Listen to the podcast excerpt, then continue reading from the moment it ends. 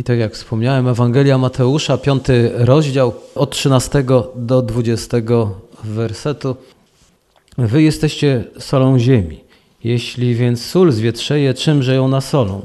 Na nic już więcej się nie przyda, tylko aby była precz wyrzucona i przez ludzi podeptana. Wy jesteście światłością świata. Nie może się ukryć miasto położone na górze. Nie zapalają też świecy i nie stawiają jej pod korcem, lecz na świeczniku i świeci wszystkim, którzy są w domu. Tak niechaj świeci wasza światłość przed ludźmi, aby widzieli wasze dobre uczynki i chwalili Ojca waszego, który jest w niebie. Nie mniemajcie, że przyszedłem rozwiązać zakon albo proroków. Nie przyszedłem rozwiązać, lecz wypełnić. Bo zaprawdę powiadam wam, dopóki nie przeminie niebo i ziemia, ani jedna jota, ani jedna kreska nie przeminie z zakonu, aż wszystko to się stanie. Ktokolwiek by więc rozwiązał jedno z tych przykazań najmniejszych i nauczałby tak ludzi, najmniejszym będzie nazwany w Królestwie Niebios. A ktokolwiek by czynił i nauczał, ten będzie nazwany wielkim w Królestwie Niebios. Albowiem powiadam wam, jeśli sprawiedliwość wasza nie będzie obfitsza niż sprawiedliwość uczonych w piśmie i faryzeuszów, nie wejdziecie do Królestwa Niebios. Wszyscy wiemy, co dzieje się, gdy jakaś partia nagle dochodzi do władzy. Zaczyna wykrzykiwać hasła, zanim jest opozycją, to zaczyna wykrzykiwać hasła i składać przeróżne obietnice. Znamy to. Ale coś innego jest dojść do władzy i utworzyć rząd i doprowadzić kraj do dobrobytu, a co innego jest wykrzykiwać hasła, będąc w opozycji i składać przeróżne obietnice. Wszystko musi być wtedy zorganizowane i załatwione. Nie da się ignorować pewnych spraw, kiedy ignorowało się je, będąc w opozycji. Kiedy jest się już u władzy, kiedy już się rządzi, nie da się tego pominąć. Kiedy tak się dzieje, nasuwają się dwa pytania. Po pierwsze, czy nowy rząd robi to, co należy najlepiej, czyli lepiej od swojego poprzednika, czy po prostu robili dużo hałasu i teraz wcale nie są lepsi? A po drugie, czy może pozostać ta opozycja, która stała się teraz partią rządzącą, wierna sobie i swoim ideałom, swoim obietnicom? Czy będąc u władzy nadal będą tak dobrze mówić i tak działać, jak mówili? Czy z kolei jednak ten rząd nadal będzie tylko bałaganił, a nie budował? Jezus, kiedy się pojawił, rozpoczął ogromne przemiany. Niektórzy mówią, że był rewolucjonistą, że zaczęła się rewolucja, ale jakkolwiek byśmy to nazwali, choć bałbym się tego słowa, to była to rewolucja inna niż wszystkie. I musiał zrobić dwie rzeczy w tym samym czasie. Najpierw musiał pokazać Żydom, ówczesnym Żydom swoich czasów, że to, co on ma do zaoferowania, to tak naprawdę jest wypełnieniem tego wszystkiego, w co Izrael wierzył i za czym tęsknił. I po drugie, musiał też pokazać, że jego zwolennicy tak naprawdę żyli, a nawet wiemy, że umierali, przez to, w co wierzyli i głosili. Inaczej ma się to w innych frakcjach. I ten fragment, który czytaliśmy, pokazuje, jak sam Jezus chciał kontynuować Boży plan zbawienia, a nie tworzyć nowy ruch. Więc to nie był ruch rewolucyjny. To była rewolucja, ale Jezus nie planował niczego, co miałoby być czymś oderwanym, czymś nowym. Rzeczywiście obiecywał całkiem nowe rozwiązania, bo mamy nawet słowo Nowy Testament, co może być też mylące czasami, bo pokazuje, że to jest coś całkiem nowego, ale to nie jest coś całkiem nowego, to jest kontynuacja. Jezus miał i chciał im pokazać, że nie tworzyć nowych rzeczy, ale wypełniać to, co było zapowiedziane, co o czym wcześniej mówiłem, aby kontynuować Boży plan zbawienia. Jezus wzywa więc Izrael, aby był prawdziwym Izraelem. O czym czytamy w Piśmie Świętym, co mówił, jest również dzisiaj zaadresowane do chrześcijan. Pierwotne znaczenie Izraela i pierwotne wyzwanie dla Izraela to było, aby byli światłem. Bóg powołał Izrael, aby był solą ziemi, ale Izrael zachował się jak każdy inny kraj. Wprowadził swoją politykę, swoją władzę, frakcje, sprzeczki i bojowe rewolucje.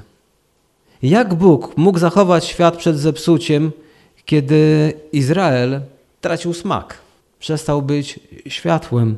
Gdyby Izrael słuchał Pana Boga, a o tym możemy przeczytać w księdze Izajasza, 42 rozdział, 6 werset i 49 rozdział, też 6 werset, byłoby inaczej. Zobaczmy. Ja, Pan, powołałem Cię słusznie, ująłem Cię za rękę i ukształtowałem, ustanowiłem Cię przymierzem dla ludzi, światłością dla narodów. To miał być Izrael. I ten kolejny fragment to zbyt mało, iż jesteś mi sługą dla podźwignięcia pokoleń Jakuba i sprowadzenia ocalałych z Izraela? Ustanowię Cię światłością dla pogan, aby moje zbawienie dotarło aż do krańców ziemi. Jak Izrael wywiązał się z tego, żeby być światłością? Izrael był ludem, przez którego Bóg zamierzał ocalić cały świat. Izrael był ludem, przez którego Bóg miał zamiar oświecić swoim jasnym światłem cały świat. Nie tylko by pokazać zło, bo kiedy się świeci, to widać również brudy, ale oto, ale po to, żeby umożliwić tym ludziom pójść w kierunku światła, a więc w kierunku Boga. Czyli Izrael się z tego wywiązał? A co by się stało, gdyby ludzie powołani do bycia nosicielami światła stali się częścią ciemności? I to było ostrzeżenie Jezusa, a także jego wezwanie, bo Izrael stawał się momentami raczej zachętą do grzeszenia i bluźnienia Bogu, niż do tego, aby wywyższać tego Boga i kierować się ku Niemu. Dzisiaj we współczesnym Izraelu dwóch polityków, właśnie teraz, należących do rządzącej koalicji, wystosowało projekt ustawy, aby karać więzieniem za nawracanie na chrześcijaństwo. Za podzielenie się Ewangelią z Żydem rok więzienia. Za podzielenie się Ewangelią z niepełnoletnim dwa lata więzienia. I wyeliminowanie z przestrzeni chrześcijaństwa, z tej przestrzeni publicznej. W tej chwili właśnie nad tym tam siedzą i sobie rozmawiają. Izrael, który miał wskazywać na Boga, miał być światłem. Momentami rzeczywiście był. Niektóre narody mówili wtedy: Wielki jest Bóg, prawda? Nawet Jerozolima. Co o Jerozolimie czytamy w Biblii? Miasto położone w dolinie, tak? Na wzgórzu. Bo miało być światłem. Miało być światłem nadziei dla ludzi. Znak dla narodów, czytamy o tym. Dla narodów, które były wokół. Czego znak? Że Bóg, Bóg jest jedyny, Bóg Stwórca, Bóg Izraela i On jest godzien czci i do Niego mają przyjść wszystkie narody. Kiedy czytam ten fragment, możemy sobie wyobrazić, że wtedy ludzie mówili do siebie, cóż, to kolejny nauczyciel, który myśli, że zna wszystkie odpowiedzi. Mowa o Jezusie. Mogli powiedzieć, my już mamy nauczycieli. Mamy faryzeuszy, którzy uważają, że ich interpretacja jest właściwa. Czym więc różni się ten człowiek, który tutaj przyszedł? Jezus. Jezus daje im odpowiedź, bo mówi, że tak, uczeni w piśmie i faryzeusze nauczają Bożego prawa. Ale Jezus posunął dalej pewne tematy, nawet w nauczaniu, czego wyrazem jest chociażby to kazanie na górze. My tu mamy właśnie wręcz wstęp, taką bramę do tego, co się potem dzieje. Ale Jezus wyraźnie podkreślał suwerenne panowanie Boga i że to panowanie wkracza właśnie teraz do tego świata i są ludzie zachęceni, aby pójść za tym. I Jezus podkreśla, nie zamierza odrzucić proroków, nie zamierza porzucić prawa. Jezus wskazuje, przyszło wypełnienie. Dlatego to nie miało być coś nowego. To miała być kontynuacja Bożego planu, ale jak się okazało, i o tym też czytamy w Piśmie Świętym, Izrael zawiódł. Cała historia Izraela, przykazania, obietnice i tak dalej, toczyła się dalej, aby się w nim wszystko wypełniło, ale teraz Izrael, jakby nie było, no zwróćmy uwagę, jest odsunięty, bo pojawia się taka rzeczywistość, że poganie nawracają się do Jezusa i apostołowie idą do pogan i że zaczynają poganie mieć wpływ na świat. I to poganie, którzy uwierzyli w Jezusa, są światłością, aby nieść Ewangelię wszystkim innym. I to jest rzeczywiście rewolucyjne. Jezus nawet o tym mówi, mówi o odcięciu, coś przypięciu i tak dalej. Ale niezwykłe, że to wszystko urzeczywistnia się w Jezusie. Był solą ziemi, Jezus był światłem, był światłością świata, został ukrzyżowany. aby Jego śmierć była widoczna z góry. Aby z tej góry te światło zaczęło bić, bo ta śmierć przynosi życie. Aby w ten sposób przyciągnąć innych do Boga Ojca. Dlatego te słowa pierwotnie odnoszące się do Izraela teraz odnoszą się do wszystkich. Wszystkich, którzy naśladują Jezusa, którzy czerpią po prostu z Jezusa. Jest dla nich źródłem. I jest to wyzwanie dla nas.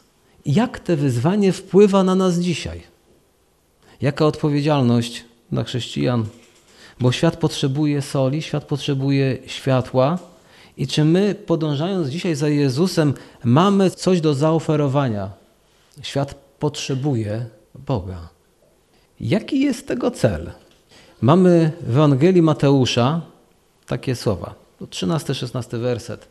Tak niechaj świeci wasza światłość przed ludźmi, aby widzieli wasze dobre uczynki i chwalili Ojca waszego, który jest w niebie. I kolejna piękna prawda, to nie jest po to, żeby nas chwalili. Nie jesteśmy po to solą, nie jesteśmy po to światłością, aby ludzie nas zauważyli. Wiadomo, jak ktoś świeci, no gdybyś szedł ulicą i świecił, wszyscy by zwrócili na ciebie uwagę. Świecił fizycznie oczywiście. Nie wiem, w oczach miałbyś jakiś błysk, zamiast latarki na głowie ludzie by widzieli, że oczami sobie przyświecasz, jak idziesz tam poboczem. Zwracają na ciebie uwagę. Ale jak widzimy, my nie żyjemy, nie postępujemy właściwie, aby nas ludzie chwalili i podziwiali. My żyjemy i postępujemy właściwie, aby ludzie widzieli Boga. A jeśli oczywiście nas podziwiają i widzą, no to jest skutek uboczny. Czasami w wielu produkcjach są pewne skutki uboczne, które wcale nie muszą być tragiczne i złe i nie trzeba za wszelką cenę się poniżać, ale nie jest to naszym celem. Jeśli ktoś powie, jakże jesteś wspaniały, jakże dobry jesteś pracownik, to nie mów nie, nie, ja nie jestem dobry pracownik. No jeśli docenili cię i dali ci nagrodę za to, że jesteś dobrym pracownikiem, no to bierz nagrodę i podziękuj. I może zrób tak, jak to zrobił teraz pewien zapaśnik, który w pewnych mistrzostwach wygrał walkę i dwudziestoparoletni chłopak i stanął i powiedział, że dziękuję Jezusowi Chrystusowi, oddał chwałę Jezusowi i powiedział wieście w Jezusa, a nie fałszywych proroków i tam wymienił Mahometa. Zaraz ten medialny przekaz zniknął z niektórych serwisów.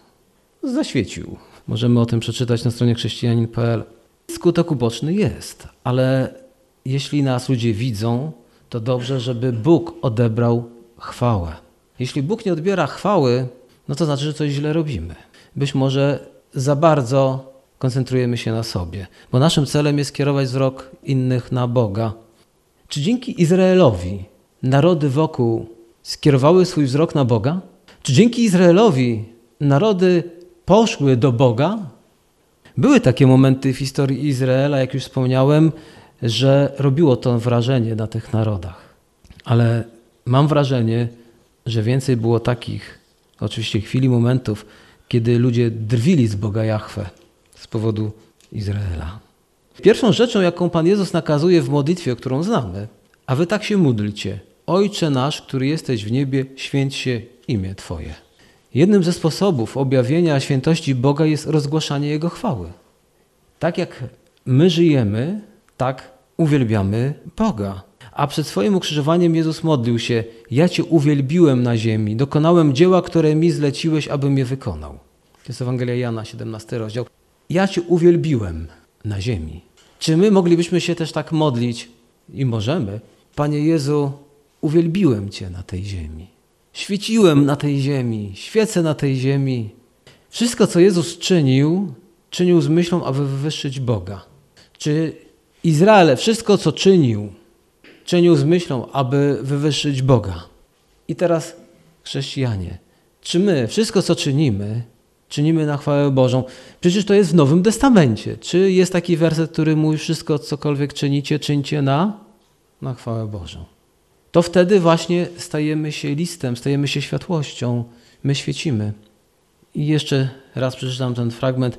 Tak niechaj świeci wasza światłość przed ludźmi, aby widzieli wasze dobre uczynki i chwalili Ojca waszego, który jest w niebie. Faktem jest, że tak wiele osób wokół nas lubi świecić, jak powiedziałem. Dlatego też często się mówi o tych osobach, że mają parcie na szkło. Dzisiaj jest to dosyć proste. Bardzo łatwo wypłynąć w tych mediach społecznościowych i również nawet na TikToku, a potem płakać, że ci zabierają TikTok, jak to pewni ludzie w pewnym to kraju, bo tam chcą ograniczyć ze względu na to, że podejrzewają Chiny o niecne zamiary w związku z tym i pewien człowiek płacze, mówi, a mi 700% wzrosła tam popularność przez TikTok. A teraz mu zabiorą. Ludzie chcą się pokazać.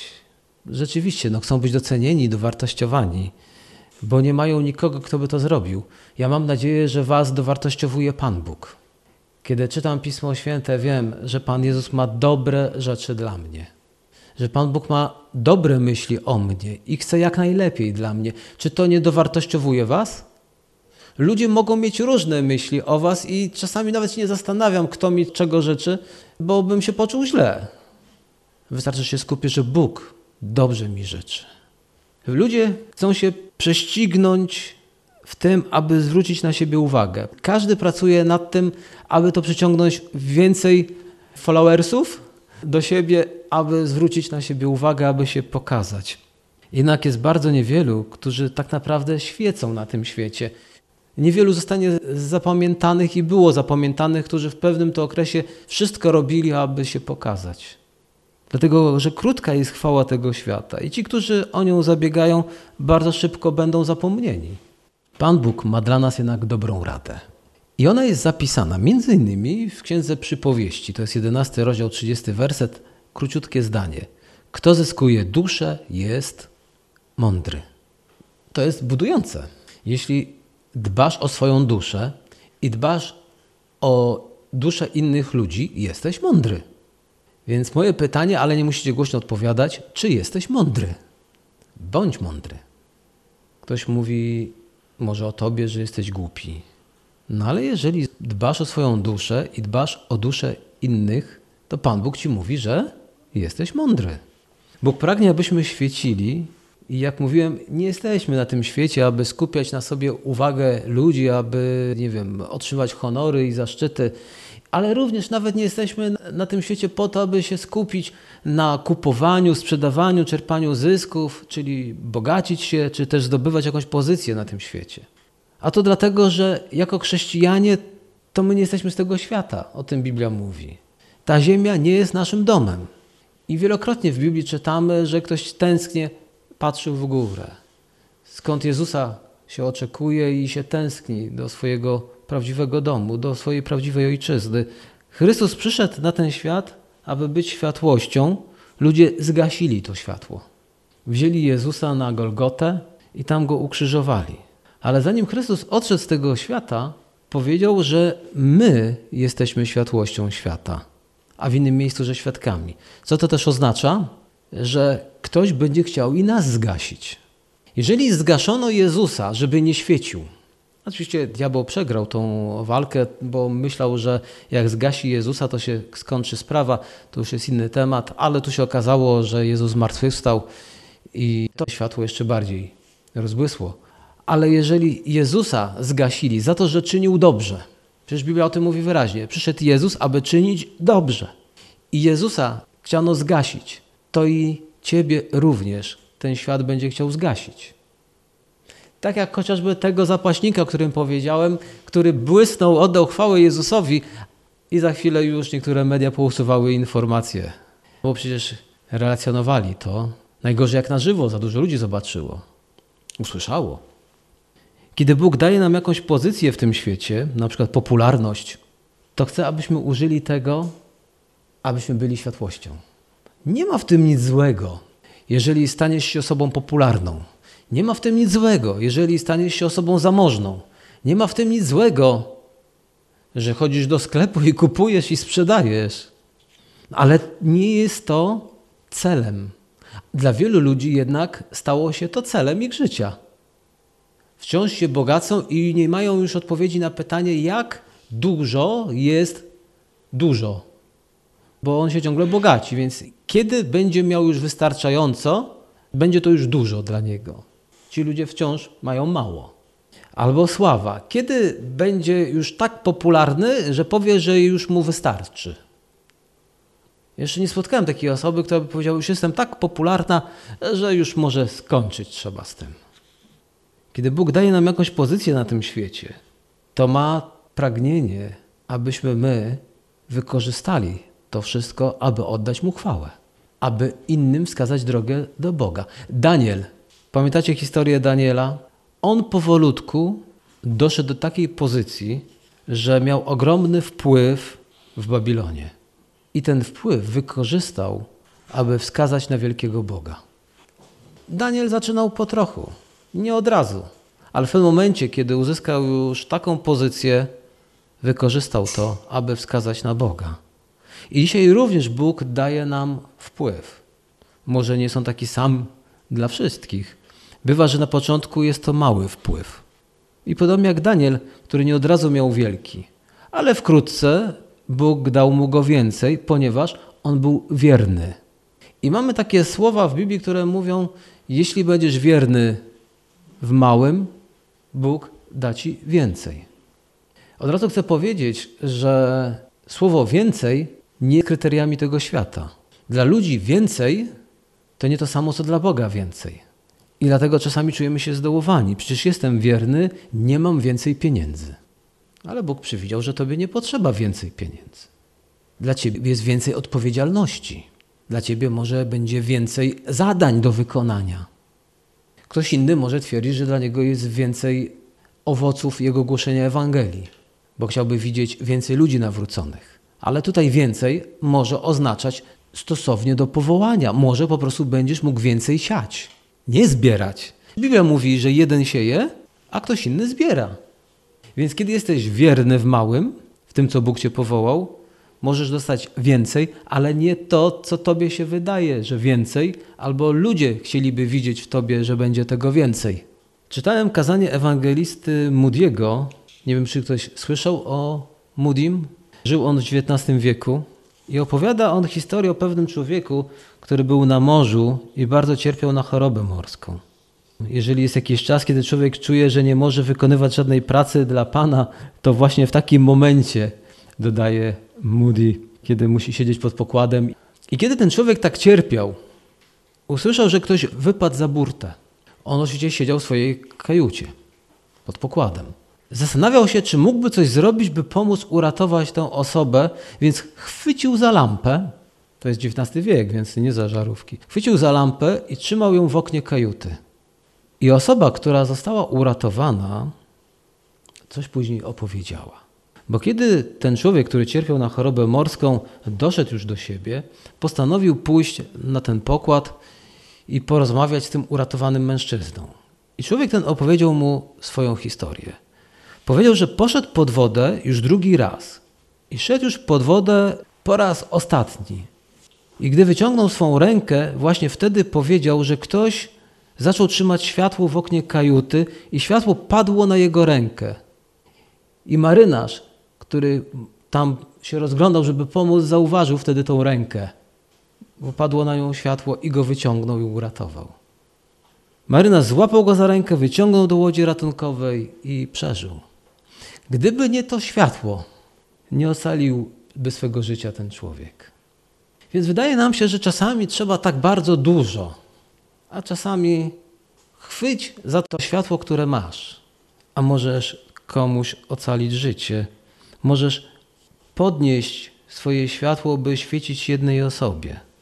To nie musi być światło, które będzie oświecało wszystkich wokół. Wiem, że lubicie historię, to może jeszcze jedną. Pochodnia olimpijska. Wiecie coś na jej temat? Pochodnia olimpijska, specjalny rodzaj pochodni, w której jest zapalany ogień olimpijski. Przed rozpoczęciem Igrzysk Olimpijskich urządzana jest z nią sztafeta i na końcu nią zapala się znicz olimpijski. No taka chyba najbardziej charakterystyczna część Igrzysk Olimpijskich. Pochodnia nie mogła zgasnąć, no bo byłaby to wpadka, więc dbano o to. Ale były takie przypadki. Niekiedy pochodnia gasła w trakcie trasy i trzeba było ją podpalać jeszcze raz. Na przykład podczas sztafety zimowych Igrzysk Olimpijskich w 2014 roku w Soczi pochodnia zgasła przynajmniej 44 razy, co wywołało dużo zamieszania na międzynarodowym szczeblu, czytamy na Wikipedii. My jesteśmy takim światłem i mamy biec i świecić. Ale jest zagrożenie, że też możemy zgasnąć. To wywołało tam dużo zamieszania na międzynarodowym szczeblu. Jakie zamieszanie międzynarodowe wywoła to, że chrześcijanin zgaśnie? Na pewno diabeł się ucieszy, bo robi wszystko, żeby ciebie zgasić, żebyś nie biegł. A czy nie życie chrześcijańskie nie jest porównane do biegu? Jest. Więc kiedy biegniesz, to żebyś trzymał światło i nie pozwól, aby ktokolwiek je zgasił. Dlatego, że wielu na to czyha, a przede wszystkim diabeł. Historia już w Piśmie Świętym pokazuje nam, historia oczywiście już, którą znajdujemy w Nowym Testamencie, pokazuje nam, że są tacy, którzy odpadli od wiary. Więc to się zdarza. Dzisiaj również są historie, kiedy ludzie odpadają od wiary. I to ludzie, którzy byli na świeczniku. Dlatego diabeł zaciera ręce, bo taka osoba doprowadza wtedy do konsternacji, a nawet do zgorszenia. Więc on robi wszystko, aby wyciągnąć brudy na znaczących chrześcijan. Czasami z jednego nawet małego brudu zrobić, małego brudku, wyolbrzymić i zrobić wielki brud. I wtedy nawet ludzie są zgorszeni, którzy sami robią gorsze rzeczy, no ale jak on śmiał coś takiego zrobić? A też w dzisiejszych czasach łatwo rzucić oskarżenie, ono pójdzie po całym świecie i, i już będzie trudno to odwołać, bo plotkarstwo jest okropnym grzechem, a diabeł je wykorzysta. Nie wiem, czy wiecie, wczoraj nawet w wiadomościach gdzieś podali historię o ludziach, których znacie, bo korzystacie z ich usług, kierowcy komunikacji miejskiej, na przykład w Warszawie. I powiedziano, że robiono im narkotesty. I się okazało, że kierowca po tym teście no jest pod wpływem narkotyków. No to on mówi, no nie. No to drugi test. Jest pod wpływem narkotyków. Nadal mówi, nie, ja nawet nie palę. Robią trzeci i ten trzeci mówi, że nie jest pod wpływem narkotyków. Zrobili mu test krwi i wyszło, że nie jest pod wpływem narkotyków. I jest dyskusja, że te narkotesty są po prostu wadliwe i wielu ludzi przez miesiąc, bo miesiąc trwają badania, zanim on się dowie już tego z krwi, więc przez miesiąc on nie pracuje i idzie fama, tam pokazali, w kajdankach potrafili go przy ludziach odprowadzać, no bo przecież to jest po prostu przestępca. A po miesiącu, przepraszamy pana uprzejmie, ale pan rzeczywiście nie miał, to był tylko błąd testów. Świat tak funkcjonuje, macie przykład, więc jeżeli chrześcijanie nawet zrobią coś małego, coś drobnego, diabeł będzie chciał to wyolbrzymić, aby nasze światło zgasło. Dlatego też w innym miejscu Biblia mówi, że nawet to, co ma pozór, musimy uważać. Czyli nie jest to czymś złym, ale jeżeli może być to zrozumiane przez innych jako coś zło, to mamy się przez, od tego powstrzymywać, uważać na wszystko, dmuchać na wszystko, dlatego że diabeł to wykorzysta, aby zgasić światło. I jeszcze kilka zdań drobnych na zakończenie. Każdy z nas świeci na różny sposób, bo dary mamy inne, ale dbaj o swoje światło. I może jeszcze jedna historia, również z kazania Moody'ego. Mówi, pamiętam, że słyszałem historię o dwóch mężczyznach, których zadaniem było pilnowanie obrotowej latarni, znajdującej się na skalistym i burzliwym wybrzeżu. Pewnego dnia urządzenie popsuło się i lampa się nie obracała. Mężczyźni tak bardzo się bali, że ci, którzy znajdowali się na morzu, pomylą światło jakieś inne e, ze światłem e, latarni i dlatego całą noc kręcili. Ta ilustracja pokazuje nam to, że czasami i my musimy włożyć dużo wysiłku, aby ludzie nie pomylili światła i rzeczywiście skierować ich uwagę na Pana Boga. Dlatego musimy trzymać światło we właściwym miejscu.